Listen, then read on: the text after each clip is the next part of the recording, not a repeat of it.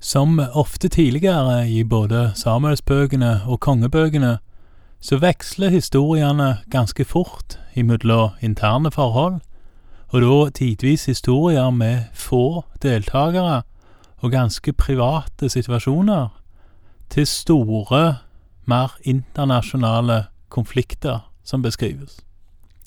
En sånn en veksling har vi kommet til nå. Siste del av kapittel 19 handla om når Elia kalte Elisha til profet. Der var det da ganske få deltakere. Nå utvides bildet betraktelig, og det fortelles i kapittel 20 om når arameerkongen angriper Nordriket Israel, og da hovedstaden Samaria. Arameerkongen Ben-Hadad kom, sånn som jeg forstår, ifra Damaskus. Vi leser fra første kongebok, kapittel 20, vers 1. Arameerkongen Ben-Hadad samlet hele hæren sin. 32 konger fulgte ham med hester og vogner. Han dro opp, omringet Samaria og gikk til angrep på byen. Han sendte bud inn i byen til Ahab, kongen i Israel, med denne meldingen.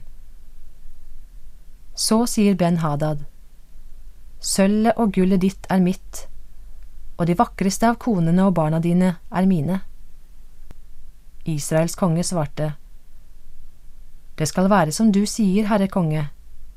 Jeg og alt jeg eier, er ditt. Det er ganske spesielt, det vi leser her. Men kong Akab, eller Ahab, går faktisk med på dette kravet. Hvorfor vet vi jo ikke. Det kan være at han så at Ben-Hadad hadde en større hær, eller at han var større enn han, mektigere enn han, eller så var han bare redd. Kongen spurte så langt det framgår her hverken Gud eller noen av sine tjenere til råds, det virker rett og slett som han bare ga seg. Det gjorde nok at Ben-Hadad forstår at han har overtaket, og da ville han ikke uventa ha mer. Vi leser videre fra vers fem. Sendebudene kom igjen og sa, Så sier Ben-Hadad, Jeg sendte bud til deg og sa, Du skal gi meg sølvet og gullet og konene og barna dine. I morgen på denne tiden sender jeg folkene mine til deg. De skal ransake både slottet ditt og husene til dine menn. Alt som dine øyne gleder seg over, skal de ta med seg.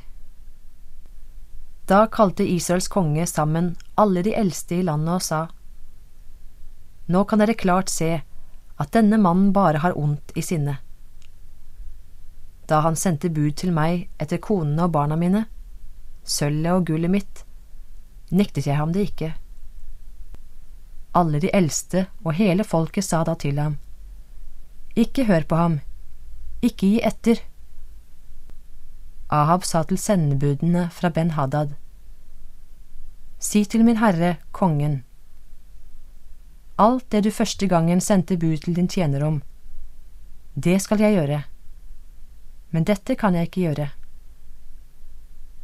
Sendebudene dro bort og bar svaret fram. Nå virker det som at kong Akab spør seg til råd, og rådet han får, er å stå imot. Det er òg det han velger å gjøre, og Ben-Hadad svarer når vi nå leser videre fra vers 10. Enda en gang sendte Ben-Hadad bud til ham og sa, Måtte gudene la det gå meg ille, både nå og siden, dersom det blir nok støv igjen av Samaria, til at folket som følger meg, kan få en håndfull hver. Israels konge svarte, Si til ham at den som binder sverdet om seg, ikke må skryte slik den gjør som tar det av seg. Ben Haddad fikk denne meldingen mens han og de andre kongene satt og drakk i Sukkot. Han sa da til mennene sine, Still dere opp. De stilte seg opp for å storme byen. Kong Aka virker kanskje noe tannløs i starten av denne historien, når han bøyer av for Ben-Hadads første krav. men nå har han fått motet sitt opp betydelig. Og det han svarer her, er jo ganske bra sagt. Han sier til kongen, til kong Ben-Hadad, at han ikke må skryte over resultatet før slaget er utkjempet.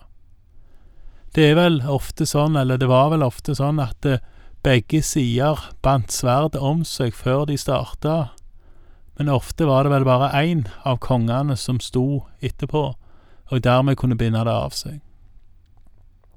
Ben-Hadad han stiller mennene sine opp, og da kommer en profet med melding ifra Gud til Akab. Vi leser videre ifra vers 13. Da trådte en profet framfor Ahab, kongen i Israel, og sa. Så sier Herren, ser du denne store flokken? I dag gir jeg den i dine hender, og du skal vite at jeg er Herren. Hvem skal gjøre dette? spurte Ahab. Profeten svarte, Så sier Herren, det skal fogdenes unge menn gjøre. Så spurte kongen, Hvem skal begynne krigen? Han svarte, Du selv. Det virker ikke som at det er ofte at Akab følger de ord som profetene kom med ifra Gud, men nå gjør han det. Kanskje fordi han ikke opplevde å ha noe valg i møte med en så stor fiende. Vi leser videre ifra vers 15. Ahab mønstret fogdenes menn. De var 232 i tallet. Siden mønstret han hele hæren, alle israelittene. Det var 7000 mann. De rykket ut ved middagstid, mens Ben Hadad satt i Sukkot og drakk seg full sammen med de 32 kongene som støttet opp om ham. Fogdenes menn dro først ut. Ben Hadad hadde sendt ut folk, og de kom og meldte at noen menn hadde dratt ut fra Samaria. Da sa han, Har de rykket ut i fredelig ærend, så ta dem levende. Har de rykket ut for å kjempe, så ta dem levende da også. Så dro de ut av byen, både fogdenes menn og hæren som fulgte dem. De hogg ned hver sin mann. Arameerne flyktet, og israelittene forfulgte dem. Aramerkongen Ben-Hadad slapp unna til hest sammen med noen ryttere. Siden dro Israels konge selv ut og tok hestene og vognene deres. Slik påførte han arameerne et stort nederlag. Ahab og hans menn følger profetens anbefaling, og de vinner slaget. Men krigen den ikke over, og profeten kommer med flere råd. Vi leser videre fra vers 22. Da trådte profeten fram for Israels konge og sa til ham, Gå og rust deg til strid. Tenk nøye etter hva du skal gjøre, for ved årsskiftet vil aramerkongen dra opp mot deg igjen. Aramerkongens menn sa til sin konge, Deres gud er en fjellgud, derfor vant de over oss. Men kjemper vi mot dem på sletten, vinner vi over dem. Dette skal du gjøre. Avsett alle disse kongene, og sett stattholdere i deres sted. Du skal mønstre en hær som er like stor som den du mistet, med like mange hester og vogner. La oss så kjempe mot dem på flat mark. Da vil vi sikkert slå dem. Kongen lyttet til rådet og gjorde som de sa. Hva arameerkongens menn, eller rådgivere, her sier, er interessant. De tror at Israels gud er en liten gud, og at han bare kan være med dem på en plass, eller på en måte. At han er en fjellgud som ikke har peiling på slag på flat mark. Det kan virke noe rart, og det kan vel kanskje virke noe latterlig. Men det er vel kanskje ganske vanlig i dag òg, at både vi som tror på Gud, og de som ikke gjør det, har lett for å redusere Gud til noe mindre enn det han er, til å tenke smått om Gud, Kanskje fordi vi tenker smått om oss sjøl eller andre, men allikevel så blir det feil å tenke smått om Gud. Vi leser videre fra vers 26. Ved årsskiftet mønstret Ben-Hadad arameerhæren. Han dro opp til Afek for å kjempe mot Israel. Israelittene ble også mønstret og fikk utstyr. De dro ut mot arameerne og leiret seg midt imot dem, som to små geiteflokker, mens arameerhæren fylte hele landet. Da trådte gudsmannen fram for Israels konge og sa til ham, Så sier Herren, fordi arameerne har sagt at Herren bare er en fjellgud og ikke en gud i dalene, så vil jeg gi hele denne store flokken i din hånd, og dere skal vite at jeg er Herren. I sju dager lå hærene midt imot hverandre.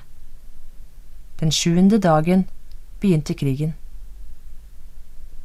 Israelittene felte på én dag 100 000 mann av fotfolket til arameerne. De som var igjen, flyktet til byen Afek, men bymuren falt ned over de 27 000 mann som var igjen. Ben-Hadad flyktet også. Han flyktet inn i byen og sprang fra rom til rom. Da sa mennene hans til ham, Vi har hørt at kongene av Israels hus er forsonlige. La oss ta sekkestriet om hoftene og legge tau om hodet og så gå ut til Israels konge. Kanskje han vil spare ditt liv? Så bandt de sekkestriet om hoftene og tau om hodene, og da de kom til Israels konge, sa de, Din tjener Ben Haddad ber om at du må spare hans liv. Ahab svarte, Er han ennå i live? Han er min bror. Mennene syntes dette var et godt varsel. De tok ham straks på ordet og sa, Ja, Ben-Hadad er din bror. Da sa Ahab, Gå og hent ham. Ben-Hadad kom ut til ham, og Ahab lot ham stige opp i vognen sin. Da sa Ben-Hadad til ham, De byene som min far tok fra din far, gir jeg deg tilbake, og du kan anlegge basargater i Damaskus slik min far gjorde i Samaria. Ahab svarte, På det vilkåret slipper jeg deg fri. Så sluttet han en pakt med Ben-Hadad og slapp ham fri. Ahab vinner krigen fordi Gud vil vise at han er Gud overalt, og ikke bare i fjellet. Gud er Gud på fjellet og i dalene, som profeten forteller til Akab. Likevel spør ikke Akab Gud til råd som hva han skal gjøre med Ben-Hadad. Kongen benåder bare Ben-Hadad uten å spørre. Det får konsekvenser for kongen. Det får vi komme tilbake igjen til neste gang. Takk for i dag, og Herren være med deg.